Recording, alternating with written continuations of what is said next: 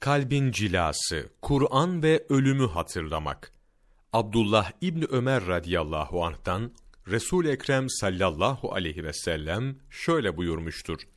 Muhakkak bu kalpler kendisine su değen demirin paslandığı gibi paslanır.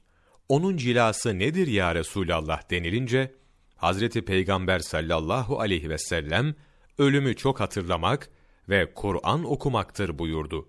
Beyhaki Su deyince demirin paslandığı gibi günahların çokluğu ve Allahu Teala'nın zikrinden gafil olmaktan dolayı kalpler de paslanır.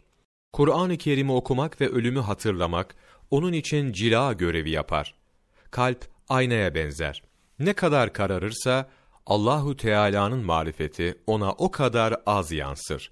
Ne kadar temiz ve parlak olursa marifetullah'ın yansıması o kadar açık ve net olur. Bundan dolayı kişi ne kadar şehvani ve şeytani günahlara müptela olursa o kadar Allahu Teala'nın marifetinden uzaklaşır.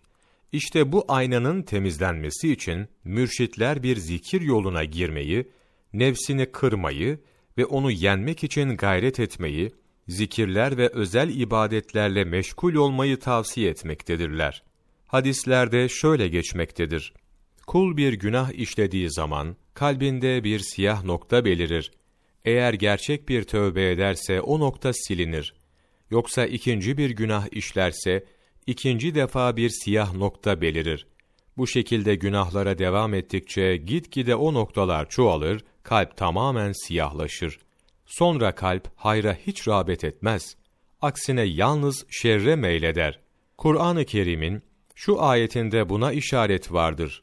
Hayır, doğrusu onların kazandıkları günahlar kalplerini paslandırmıştır. Mutaffifin suresi 14. ayet. Bir hadisi şerifte Resulullah sallallahu aleyhi ve sellem şöyle buyurmuştur. Size iki vaiz, nasihatçı bırakıyorum. Biri konuşan, diğeri susan. Konuşan Kur'an-ı Kerim, susan ise ölümü hatırlamaktır. Muhammed Zekeriya Kandehlevi, Fezaili Amal, sayfa 211, 14 Eylül Mevlana takvimi